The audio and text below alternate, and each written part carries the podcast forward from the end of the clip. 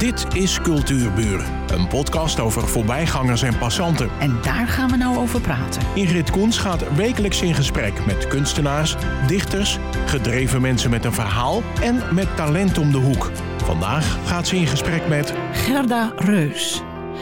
Ze is een tuindersdochter uit West-Friesland. De liefde voor planten en bloemen heeft ze ongetwijfeld geërfd van haar voorvaderen. Hoewel ze eerst 35 jaar in het onderwijs gewerkt heeft, werkt ze momenteel als vrijwilliger op de Groene Oase. En ze is bezig met de opleiding Ecologisch Tuinontwerper. En ze is geveltuinambassadeur. Wist u dat er een voedselbos in Koedijk was? Gerda, hoe begin je nou een voedselbos? Ja, hoe begin je daar nou? Eerst is er niks. Dat bedoel ik. Ja, ik ben zelf niet vanaf het eerste jaar erbij geweest. Uh, dat, uh, dat Hoe lang bestaat het al? Vijf jaar. Het is nog een heel, heel jong, kort. heel jong bos. Het wordt nu, sinds dit jaar zeggen we ja, nu begint het een klein beetje op een bos te lijken. Ja. Nou, je weet, het, het, het ligt helemaal in de ruimte en uh, dichtbij. Nou, eigenlijk, het is allemaal kaal en leeg, plat.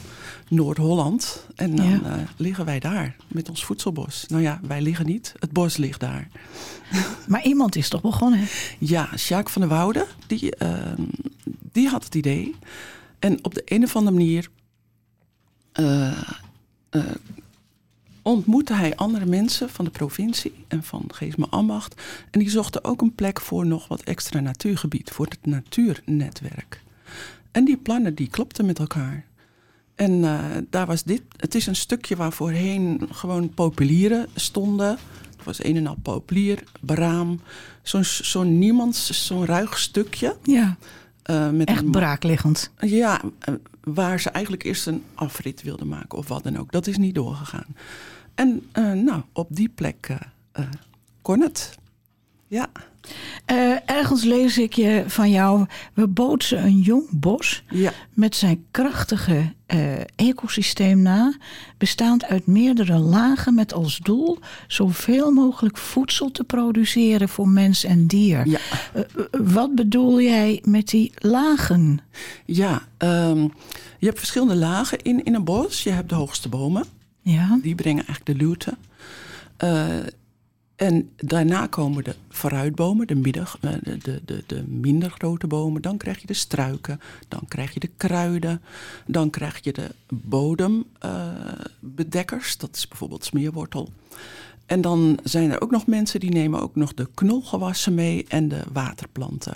Dus uh, dan kom je uiteindelijk maar nog meer lagen. Voor hun vijver?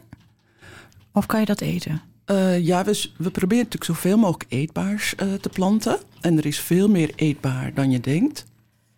Maar um, het zijn niet alleen eetbare dingen die we hebben staan. We hebben, nou, eigenlijk is dat uh, heel belangrijk dat we ook eetbare dingen voor de dieren hebben.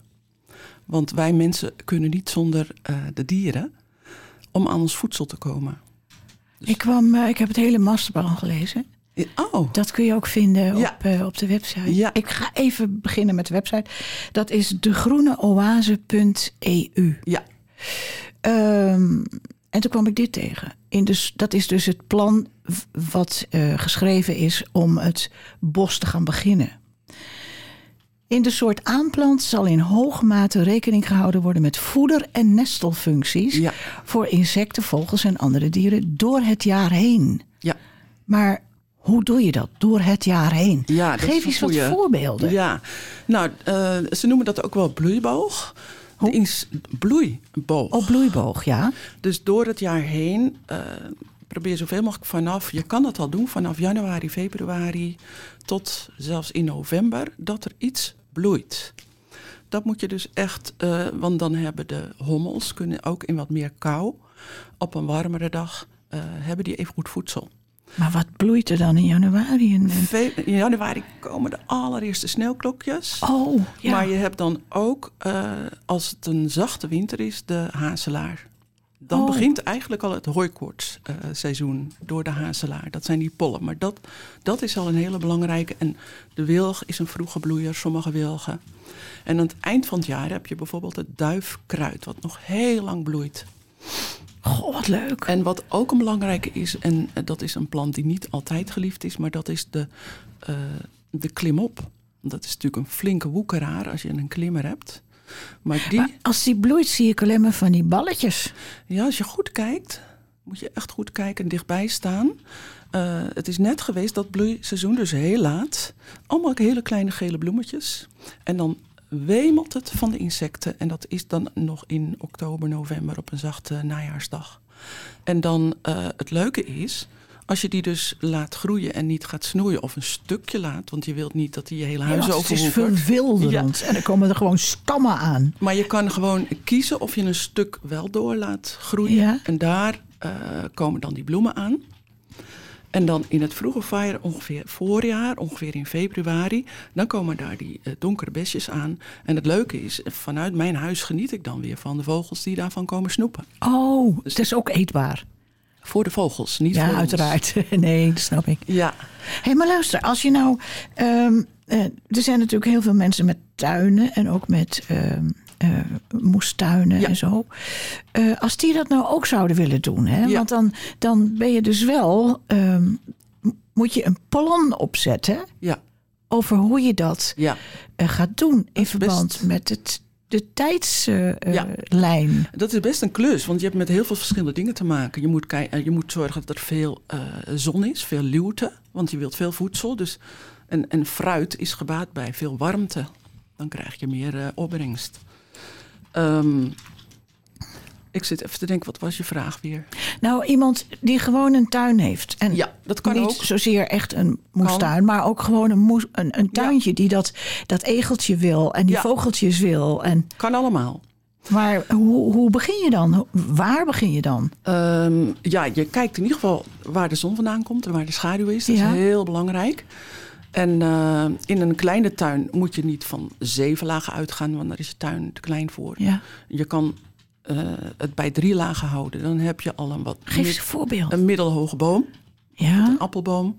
Die wordt niet zo. Je hebt ook halfstammen en hoge stammen. Dus je kunt die maten zelf kiezen. En dan heb je een mooie struik, zoals het krentenboompje.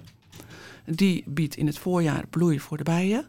En uh, in de nazomer besjes voor de vogels, maar die kun je zelf ook eten trouwens, lijst, uh, krentenboompje.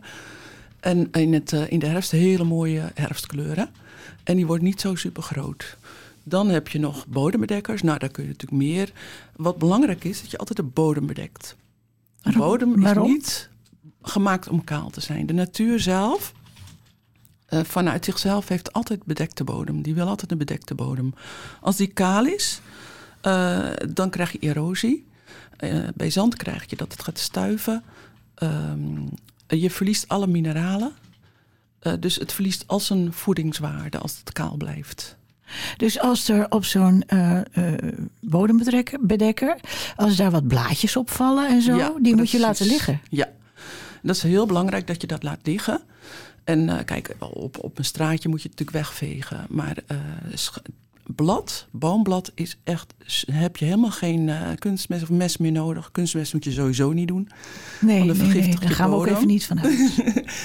maar uh, blad, uh, met name lindenblad, bepaalde bladsoorten zijn fantastisch. Die bevatten heel veel kalium, calcium en nog allerlei mineralen voor de bodem. Bovendien gaan daar allemaal wurmpjes in zitten. Die eten het op, die poepen het uit. En die zorgen voor hele mooie compost. En compost is ook weer belangrijk om de bodem te bedekken. En uh, de planten die groeien daar heel goed op. En die, die, die dat, wat zei je nou? Uh, krentenboompje? Ja. Kan je dat in een tuincentrum kopen? Ja, dat kan. En uh, jij noemt nu tuincentrum. ik ben daar nog een beetje behoedzaam in. Tuincentra zijn wel heel goed bezig met de bestrijdingsmiddelen te verminderen. Maar in tuincentra heb je nog steeds niet de garantie dat je een gifvrije plant of boom koopt. Wat bedoel je daarmee? Dus het beste is om naar. Uh, nou, je weet, in tuincentra weten nog lang niet altijd waar, bij welke kweker het vandaan komt. Dus die herkomst is al lastig. Ze proberen dat wel goed nu te doen. Maar ze hebben nog geen biologische afdeling. Ze hebben gewoon nog geen. Alleen nog. Ik ben het wel uitgezocht bij één centrum, tuincentrum. En daar hadden ze wel inheemse planten. Dus dat is al belangrijk, want dan heb je de bijhorende inheemse insecten. Daar kan je het beste, die kun je het beste en hebben. dat zijn? Ehm, nou, als je bijvoorbeeld een, een plant uit het buitenland, een tropische plant of zo, eh, die heeft daar zijn bijbehorende insecten. En als wij hier een. eh, Kunnen die dan bij ons overleven? en die kunnen bij ons, nee. Nou ja, als tegen vorst kunnen wel. Maar tropisch is een slecht voorbeeld natuurlijk, want Mm. dat is te warm. Maar eh, ze hebben daar gewoon andere insecten in, in andere landen. Andere, En die hebben eh, die planten weer nodig. die hebben dat nodig. Ja. Dus dan, eh, eh, dan heb je geen sterk ecosysteem meer. Oké. Ehm, ik denk dat dit een hele mooie aansluiting is. Gezond voedsel van een gezonde bodem. Ja, Ehm, nou, dan denk ik, ja, dat is natuurlijk logisch. Maar Ja. eigenlijk, eigenlijk is het helemaal niet zo logisch, Nee. nou ik dat hoor. dat, dat is eigenlijk onbegrijpelijk natuurlijk. Het is wel zo, als kind heb ik eh, eh, meegemaakt, mijn vader gebruikte ook eh, kunstmest. En in die tijd was het een uitvinding, want we hadden allemaal weinig geld, we waren arm, grote gezinnen. Al die tuinders moesten keihard werken met hun handen in de klei en hun knieën in de klei om een beetje brood op de plank te krijgen. Dus die kunstmest die zorgde meteen voor zo'n hogere opbrengst in zo'n korte tijd. Dus iedereen was daar, het was heel logisch dat iedereen daar super blij mee was. Ehm, het is wel, we zien nu na nou ik denk dat het nu 100, even kijken, het was begin 20e eeuw dat kunstmest uitgevonden werd. Dus na 100 jaar komen we erachter geleidelijk dat we daarmee de bodem uitputten. En dat is een geleidelijk proces, dat is niet. Dus je kan gaan mopperen op dat, dat mensen kunstmest gebruiken, maar het is ook begrijpelijk dat Ja. mensen dat gedaan hebben. Ze hebben Dus- ook een bedrijf, hè? dus je moet het niet Ja. zo zwart-wit zien. Dus ik snap ook vanuit mijn jeugd ook waarom dat zo gebeurde. Ja. Want wij hadden het niet breed. Dus eh, in die zin. En ook het gebruik van giffen. Eh, ik zie mijn vader dus nog lopen met die, eh, met die metalen tank. eh, tank op Ja. zijn rug. En echt zo'n eng gasmasker. Dat heeft als kind ook. Wij moesten naar binnen. Dus het was toen al bekend dat het heel eh, gevaarlijk was. Maar toen dacht je van het moet nu eenmaal. Want er zijn van die vliegen die de bloemkool... of die rupsen die de Ja, bloemkool opeten. En je dacht, zo moet het nu eenmaal. En je wist toen al, het is een beetje akelig. En dan was je in de schuur en dan zag je daar die, eh, die grote kast met dat enge doodshoofd. Altijd goed op slot. Maar die geur die hing er altijd omheen. En als ik nu nog fiets op het platteland... en ik, dan ruik ik nog wel eens die geur als ik langs eh, een tuindersbedrijf rijd. En dan zeg ik, ja, hier, hier wordt nog gif gebruikt. Maar hoe moet je dat nou voorkomen? Als jij werkelijk van een gezonde bodem wil eten, hoe, eh, welke winkel garandeert mij dan dat het Ja. woordje bio niet. Ja, nou kijk, het, eh, er is een keurmerk, Skal. Dat is een Hoe schrijf ik dat? eh, S-K-A-L. Dan moet je aan heel veel voorwaarden voldoen en dan weet je zeker dat het biologisch is. Dat is wel een heel erg bureaucratische papierwinkel. Het zijn hele strenge voorwaarden. Ehm, maar er zijn biologische kwekerijen en daar moet je dus veel moeite voor doen. Je moet wat verder fietsen of eh, eh, met de auto om. Eh, die weet ik wel, maar ehm, ik vind het dus heel jammer dat, dat het niet wat laagdrempeliger is. Dat is echt En beter gesubsidieerd. ja, ook. Maar ik ken dus kwekerijen die helemaal niet zo gek veel duurder zijn. Die biologisch telen. Moet je luisteren. Ehm, jij hebt al een heleboel verteld over dat opbouwen van een eh, diervriendelijke Ja. en mensvriendelijke tuin. Ehm, maar mogen de mensen in Koedijk ook informatie halen bij jullie?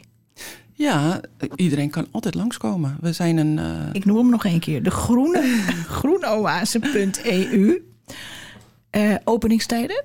Nou, je kan altijd... Het is een openbaar terrein. We zijn onderdeel van Geesma Ambacht. En iedereen kan gewoon lekker dwalen en eh, struinen en zitten. Er zijn leuke bankjes. Eh, we hebben in coronatijd gemerkt dat mensen het echt wisten te vinden. Want dan kon je niet bij elkaar op bezoek binnen. En dan namen mensen een thermoskannetje mee. En dan gingen ze op een bankje zitten. En dan eh, gingen ze daar lekker picknicken. Dus eh, dan weten ze ons te vinden, ook als het bramentijd is. Want we hebben eh, een deel van de bramen mag natuurlijk blijven. En ehm, ja, die zijn gewoon super lekker. En dan komen echt heel veel mensen met een trommeltje lekker bramen plukken. Dus Wat gezellig. hebben we heel eh, veel bezoek. Het is natuurlijk een heel jong bos nog, dus eh, de oogst begint een beetje te komen. De pruimen beginnen een beetje te komen. De appeltjes. Daarbij is het wel hele zware kleigrond. Dus de, uh, de aanplant heeft wel tijd nodig om aan te slaan. En nu is het helemaal zeiknat. Dus de bomen hebben het best heel zwaar. Uh, dus in die zin hebben wij wel een uitdaging met hele superzware klei. Het is natuurlijk geen wonder dat dit stukje niet gebruikt werd door ja. uh, boeren. Want het is gewoon. Uh, er is een keer, en dat vond ik ook een heel leuk verhaal. Ik was een keer aan het werk en toen kwam er iemand langs van hier heeft mijn opa ge, uh, geboerd of getuinderd, ik weet niet precies meer. En hij zegt, dit was zulke zware klei. Hij gebruikte in plaats van twee paarden om te ploegen, gebruik, gebruikte hij er vier. Oh ja, Zo zwaar was het. Ja. En ik vind het nog steeds jammer dat ik niet zijn naam gevraagd heb. Voor een foto. Ja, eigenlijk is het gewoon een heel mooi historische achtergrond. Als iemand het verhaal herkent. Ja. Streekstad Centraal, kan hij ons bereiken. Ja, heel, het zou ik wel heel leuk vinden. Ja, je weet maar nooit. Ja, die achtergrondgeschiedenis. En uh, dan kom ik meteen bij ploegen. Want dat doen wij dus helemaal niet meer, ondanks dat die grond zo zwaar is. Dat is ook een kenmerk van uh, ecologisch tuinieren, dat je de grond zoveel mogelijk met rust laat. Maar dan zit je natuurlijk met die hele zware grond. Hoe ga je daarin planten? En dat ja, vooral als het uh, de zon erop geweest is. en het is natuurlijk keihard geworden. Hoe doe je dat dan? Ja, uh, nou, het toch zoveel mogelijk met rust laten. En geduld. Wij mensen hebben geen geduld. Nee. Wij gaan onmiddellijk ploegen, want er moet meteen brood op de plank komen, er moet voedsel komen. Dus je gaat elk jaar ploegen en dan rij je er overheen en dan rij je het eigenlijk ook weer een beetje verdicht. Dus een beetje een vicieuze cirkel. Uh, wij geven het de tijd en wij laten dus al het uh, dode plantmateriaal laten we liggen. Dus dan krijg je dus een... Een Humus, hè? Uiteindelijk wordt het grond. Ja, ja. ja. En ons personeel, de wormen en al die kleine beestjes en de bacteriën en de schimmels, die helpen daarbij. En daarvoor moet je juist de grond niet verstoren. Want anders dan dood je al dat leven in de grond, dat hele minuscule. Nou ja, jullie hebben natuurlijk, ondanks dat het niet lang is, een paar jaar op zitten. Ja. En werkt het? Nou, wat dus heel erg mooi is, want daar zat ik net aan te denken toen je deed. Jij kan denk ik gedachten lezen. maar um, wij zijn nu vijf jaar bezig en uh, we hebben in het eerste jaar heeft de uh, KNNV, uh, dat is de veldbiologievereniging. Ik weet niet of ik het helemaal precies zeg, maar dat zijn de specialisten. En die hebben nulmeting gedaan naar het aantal plantensoorten, dierensoorten, mossen enzovoort enzovoort. En vijf jaar later hebben ze dat weer gedaan. En het mooie wat eruit komt is dat er vooral een veel hogere, een hele goede biodiversiteit aan insecten uh, op ons Ach. terrein is. En, en nou, dat was natuurlijk, daar waren we natuurlijk super blij mee. Want toen zeiden we, nou, na vijf jaar, uh, dit beheer, het dus kan. het is goed? Het kan. Want, uh, en daar werden we echt super blij van. Dan hoef je maar vijf jaar zo'n voedselbos te starten en het is nog lang niet uh, volgroeid. Dus daar werden wij echt heel blij mee en hoopvol. Want Ja. je wordt wel eens heel uh, gedeprimeerd van alle uh, sombere klimaatberichten en dat de insectenstand zo achteruit gaat. En als wij dus geen insecten zouden hebben, dan zouden we nog maar een derde van ons voedsel nog hebben. Wij kunnen niet zonder insecten. Ik geloof in de heilende kracht van de natuur. Ja, Ze hebben zoveel kracht in zich, zonder Ja. dat wij dat weten. ja, En, en het is een kwestie van geduld. geduld. Ja, ja, en het ja, is ook begrijpelijk dat uh, mensen gaan ploegen, want ze moeten brood op de plank. En het is wel zo, als je dus een voedselbos wil beginnen, uh, dan moet je er rekening mee houden dat het nog niet meteen opbrengst heeft. Want je Nee. gaat niet ploegen, je, gaat, je moet iets anders, een, andere verdienmodel in die tussentijd hebben. In de tussen laat je je voedselbos Hebben jullie sponsors dan? Wij zijn uh, een non-profit organisatie. Hm. Uh, en we hebben het gepacht voor 30 jaar van uh, de provincie. Dus wij draaien helemaal op vrijwilligers. Dus wij hebben niet die druk, wij kunnen dus makkelijk praten. Wij hebben niet die druk dat wij daarvan rond moeten komen. Dus dat is wel anders als dat je een uh, commercieel voedselbos Ja. gaat beginnen. Ja. Dan moet je toch met eenjarigen uh, uh, in de weer of een ander verdienmodel voordat het wat gaat opbrengen. Maar als het eenmaal dingen gaat opbrengen, dan heb je er minder werk aan. Je hoeft niet elke keer te ploegen, je hoeft niet elke keer te spuiten, je hoeft niet elke keer. Want doordat je dus een gezonde bodem hebt, hoef je minder. Onderhoudt het zichzelf? ja, en een, ik wil ook nog een voorbeeld geven van waarom je minder hoeft te spuiten. Of wij willen natuurlijk helemaal niet spuiten, dat is de bedoeling. We zetten bijvoorbeeld ook uh, wilgen neer. Die geven luwte. Geven eigenlijk geen eten. Maar uh, in dat ecosysteem hebben ze een hele belangrijke taak. Want ze groeien heel snel. Uh, dan krijg je die luwte, dan wordt het warmer, meer fruitopbrengst. En in die wilgen groeit een soort gal. Net als een eikengal zit er, in, zit er een soort galwesp. Die zit in heel veel, uh, er zitten er heel veel van in onze wilgen. Die legt daar zijn eitjes, dat vervormt dat blad en dan is het net een roosje. En dat noem je dan de wilgenroosjes galwesp. de galwesp die is weer een bestrijder van uh, luizen. Mm. Dus dan heb je meteen je personeel, noem ik dat dan weer. ja. Uh, waardoor je dus minder of geen gif hoeft te gebruiken. Maar het is natuurlijk maar één voorbeeld. Maar er zijn, uh, ga, Google maar eens op galwespen. Je wil niet weten hoeveel soorten galwespen er zijn. En bij elke plant hoort bijna een galwesp. Zat er vroeger niet altijd in de in spinazie? achter die blad. Dus dat zo'n hard oh, bolletje. En als je dat nou opensneedt, zat er een beestje in. Ja. ja, en die hebben allemaal een functie. En sommige uh, schadelijk. Dat is een beetje een ouderwetse term, maar sommige schadelijk. Maar als je van alles een beetje hebt, hou je dat evenwicht. Ja. En dan uh, gaat er misschien eens een boom dood of een plant. Maar je gooit niet alles op één soort. Je hebt geen monocultuur, noemen ze dat. Maar je hebt biodiversiteit. En uh, daardoor heb je altijd wel opbrengst van iets. En je moet dus accepteren dat er af en toe ook eens een plantje doodgaat. Ja, dat neem ik aan. Dat, en dat is, dood uh, brengt leven. Dat is dan ook weer doodhout. In dit geval, inderdaad. Daar zitten dan weer insecten. En daar heb je dan weer wat aan. En die eten het weer op. Pure recycling. Dat is nou Precies. recyclen. Ja. Uh, voordat we, we afsluiten, uh, wil ik het toch nog even hebben over Binnenste Buiten. Want je bent uiteindelijk een filmster. En als u kijkt op Binnenste Buiten, 23 oktober 2023, dan ziet u het gedeelte van uh, Koedijk. Vertel nog even van de varkens. Ja, dat, was, dat is echt een heel bijzonder verhaal. Um, nou, ik kan dus vertellen dat ik uh, op mijn cv bij kan schrijven dat ik varkenshoeder geweest ben. ik voel me eigenlijk nog steeds varkenshoeder. Uh, het zijn zulke leuke dieren. Uh, ja, waarom hebben wij in een voedselbos varkens, een periode varkens gehad? We hebben door de stikstofdepositie, en dat is overal in de wereld en in het land, veel last van overlast van bramen. Bramen zijn, het is nooit zwart-wit, hè? Bramen zijn hele nuttige planten, brengen heel veel insecten op het terrein veel schuilplaats enzovoort enzovoort. Dus je moet daar ook altijd naar kijken. Het wordt een jungle. Maar uh, die wortels, als je maar even overhangt, dan vormt die weer wortels. En uh, voor je het weet heb je een baramenbos. Uh, en wij willen niet ge, um, gemotoriseerd bestrijden. We moeten het allemaal handmatig doen, anders dan pletten we die grond weer.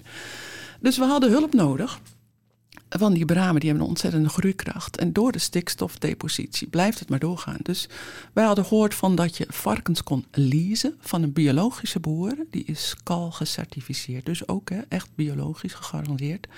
En die zouden dan bij ons twee jaar een uh, goed leven hebben en lekker uh, bramen kunnen grazen. En uh, door de vrijwilligers vertroeteld worden door een varkenshoedersgroep. En ze hebben hun werk ontzettend goed gedaan. Uh, de afspraak is wel dat ze de, vanuit de gedachte dat ze dus een goed leven zouden hebben gehad. Na twee jaar, ja, dan is het vlees ook het lekkerst. Dan oh. is het nog mals.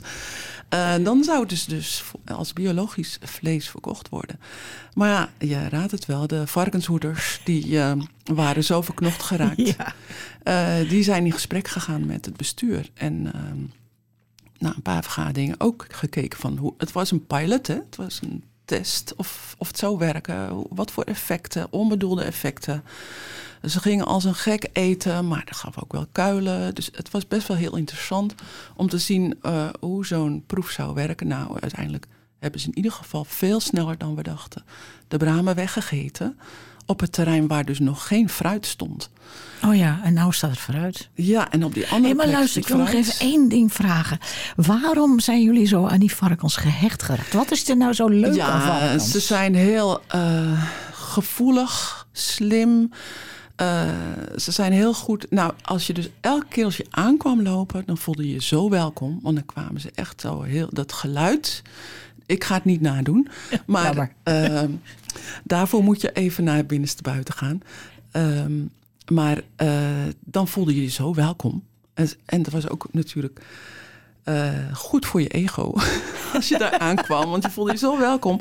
En uh, de liefde ging natuurlijk wel door de maag, want we gaven ze altijd wat varkenskorrels ja, ja, ja, om ze hand tam te houden. En het leuke was ook, je kon ook lekker met ze knuffelen. Ach. Als je ze ging aaien, uh, dan gingen ze er gewoon helemaal gestrekt lekker voor liggen. en dat was ook zo superleuk. Ja, heel rustgevend ook. En als ze zaten te eten, dan hoorde je dat, dat, uh, rustgevende geluid van heerlijk gesmek. Nou, daarvoor moet je even naar voor de geluiden. Oh, je kan nog op Instagram. We hebben een Instagram-pagina, uh, we bezoeken ze nog, want helaas zijn ze niet meer, maar ze leven nog. Ja, we hebben ze ja. een tweede leven kunnen En, uh, geven. En daar kun je nog filmpjes van de varkens vinden. Nou, kijk aan. Gerda, ik vond het ontzettend leuk dat je er was. We hadden nog uren door kunnen Ja. gaan. Maar voor de mensen, het Voedselbos in Koedijk... en dat is de groeneoase.eu, kunt u alles vragen en zien. Dankjewel. Graag gedaan. Dit was Cultuurburen. Een podcast van Ingrid Koens en Streekstad Centraal. Bedankt voor de aandacht en tot de volgende Cultuurburen.